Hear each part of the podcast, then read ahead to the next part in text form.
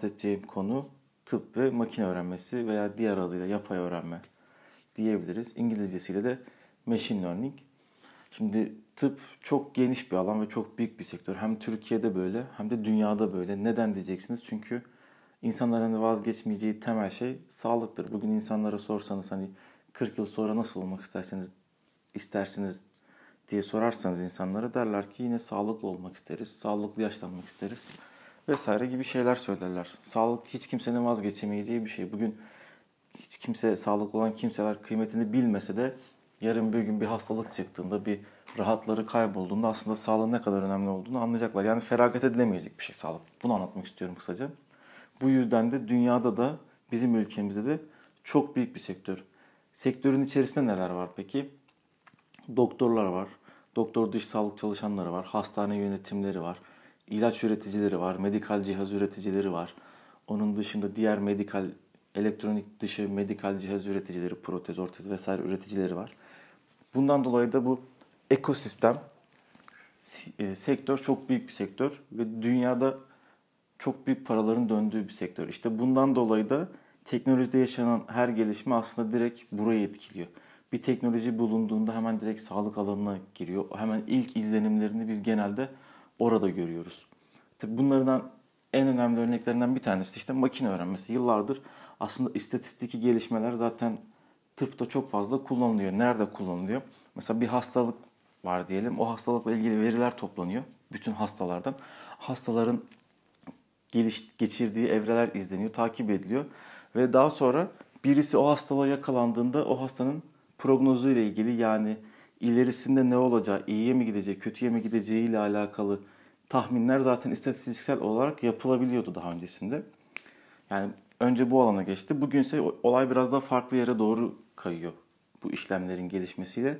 Hem veri, verinin öneminin anlaşılmasıyla, veri kayıtlarının kayıtların daha düzgün tutulmasıyla, daha sonra bu verileri işleme yöntemlerinin gelişmesiyle, işlem kapasitelerinin artmasıyla, artık işlem güçlerinin artmasıyla, daha büyük veriler işlenebilir hale gelmesiyle aynı zamanda hem hekimlerin bilinçlenmesiyle bu konuyla alakalı hem de hekim dışında bu alanla ilgilenen işte biyomedikal olsun, mühendislik alanlar olsun bu alana yönelmesiyle şu an daha farklı bir boyuta gidiyor.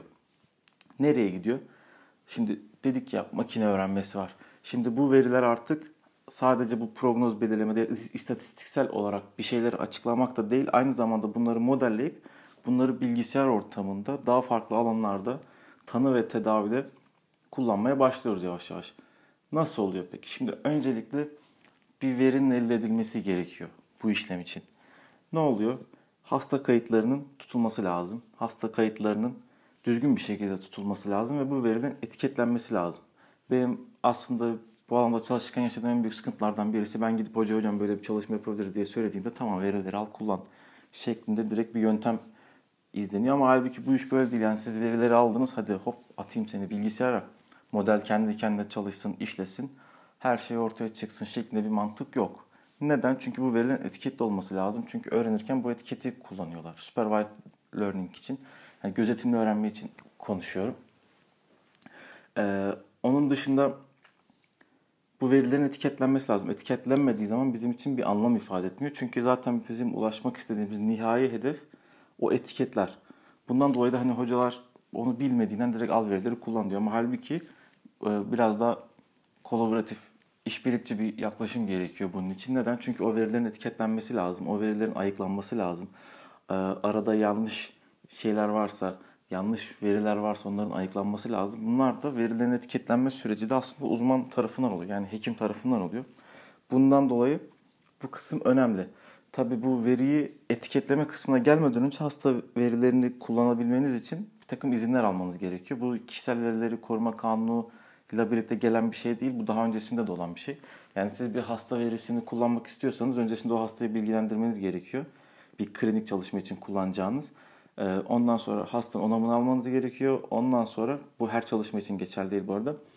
Ee, bağlı çalışmaları kapsıyor sadece ve bir etik kurulu raporu almanız gerekiyor. Bu etik kurulu raporu ne? Siz bir üniversitenin veya bir hastanenin etik kurulu raporuna gidip diyorsunuz ki ben hastalar üzerinde böyle bir çalışma yapmak istiyorum.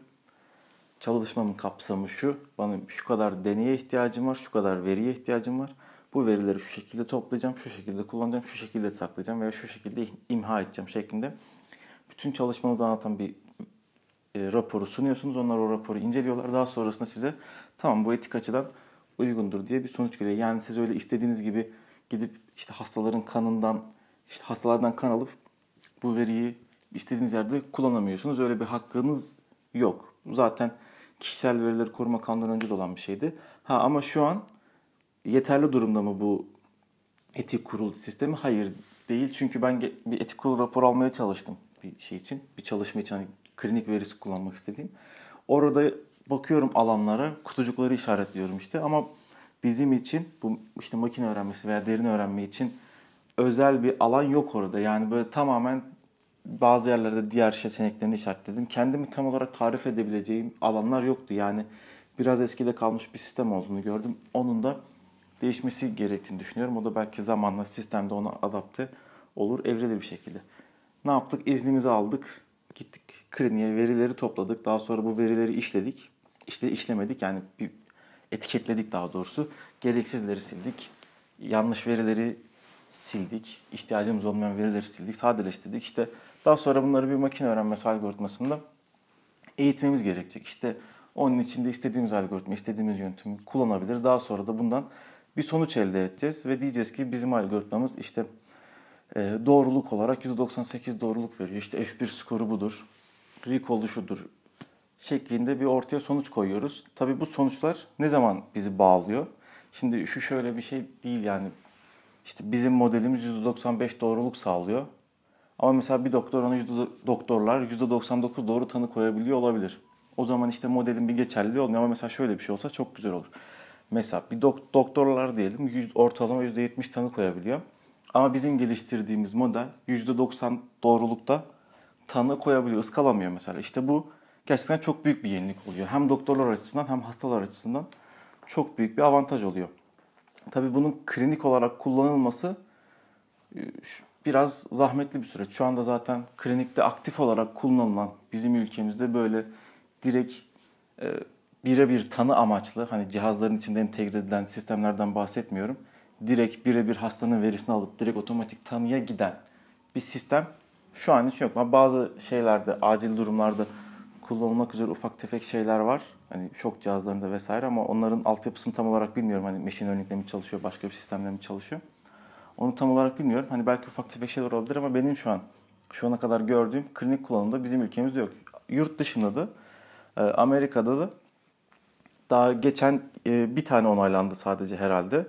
Bu onay içinde şöyle bir şey gerekiyor. FDA diye bir kuruluş var Amerika'da. Bizde de ilaç ve tıbbi cihaz kurumu var. Bu cihazlara ve ilaçlara ruhsatı veren kurum bizim ülkemizde. O Amerika'da da FDA veriyor. FDA geçenlerde bir göz e, göz hastalıkları için bir yapay zeka uygulamasını onayladığını duyurmuştu. Türkiye'de henüz öyle bir şey şimdilik hatırlamıyorum. Uzun bir sürede göreceğimizi e, tahmin etmiyorum. Bu şekilde bir çalışmayı yaptık. Daha sonra ortaya koyduk. Ondan sonra işte dedik ki bu şu kadar başarı elde ediyor. Çalışmaları da tamamlandı. Daha sonra işte ruhsatını alıp FDA'den onaylayıp veya Türkiye ilaç tıbbi ilaç ve tıbbi cihaz ve ilaç kurumundan ruhsatını alıp hani klinik pratiğe girebilir. Normalde bir e, tıbbi alanında kullanılacak şey pipeline bu şekilde ilerlemesi gerekiyor. İşte biz de şu an farklı bir çalışma yapıyoruz. Ondan bahsedeyim. Bizim yaptığımız çalışmada şöyle EKG'yi duymuşsunuzdur. İşte acile gittiğiniz zaman bir göğüs ağrısıyla, kalp ağrısıyla bir şeyle gittiğiniz zaman hemen size bir EKG çekerler, bakarlar. Kalp krizi mi geçiriyorsunuz, geçirmiyor musunuz diye. Hemen bakarlar sizin EKG'nize. EKG'nin işte kalbe bir elektriksel akım var kalpte. Kalbin kasılmasını sağlayan bir elektriksel iletim var. İşte vücudun çeşitli yerlerine elektrot yerleştirerek bu elektriksel akımı tespit ediyorlar. Bu elektriksel akım tespit kullanarak da daha sonrasında bir sinyal oluşturuyorlar, bir sinyal dalgası oluşturuyorlar. O dalgaya bakarak da işte kağıda döküyorlar. O dalgaya bakarak da doktorlar sizin hastalığınıza dair fikir ediniyorlar. İşte bizim ya şu an yaptığımız çalışmada bu EKG dalgalarına yönelik bir çalışma. Daha öncesinde bir Birol Hoca tanırsınız. Birol Kuyumcu Hoca EKG ile ilgili bir çalışma yapmıştı kendi blogunda. Orada yayınlamıştı derindelimavi.blogspot.com. E, blogspot olduğuna bakmayın. E, biz daha hani avam bir tabirle kısa donla dolaşırken bir Hoca oradan ta ülkede belki de bazı alanlarda ilk makine öğrenmesi çalışmalarını oradan paylaşmış. O açıdan önemli bir blog olduğunu düşünüyorum. Takip edebilirsiniz. derindelimavi.blogspot.com Orada paylaşmış EKG çalışmasını. Şimdi o oradan onun orada yaptığı çalışmayı biz klinik olarak e, deneyeceğiz inşallah. Öyle bir çalışmamız var şu an. Ne yaptı bir hoca? Bir hazır bir veri setini kullanmış. E, daha sonra onu derin öğrenme algoritmalarıyla, machine learning algoritmalarıyla denemiş. Yüksek bir başarım elde etmiş. Veri setini üretenlerden, başka çalışmalar yapanlardan daha fazla bir başarım elde etmiş. Biz de bunu klinik olarak kullanılabilir olup olmadığına bakacağız. Daha sonra da e, makaleye dönüştüreceğiz. Ben de şu an yine EKG ile çalışıyorum bir hocanın çalışması dışında da. E, ne yapıyorum? Normal EKG kağıtlarını alıp onları tekrardan bilgisayar sinyalleri haline getirip e, normal bir uygu yorumlanabilir hale getiriyorum. Machine Learning algoritması tarafından.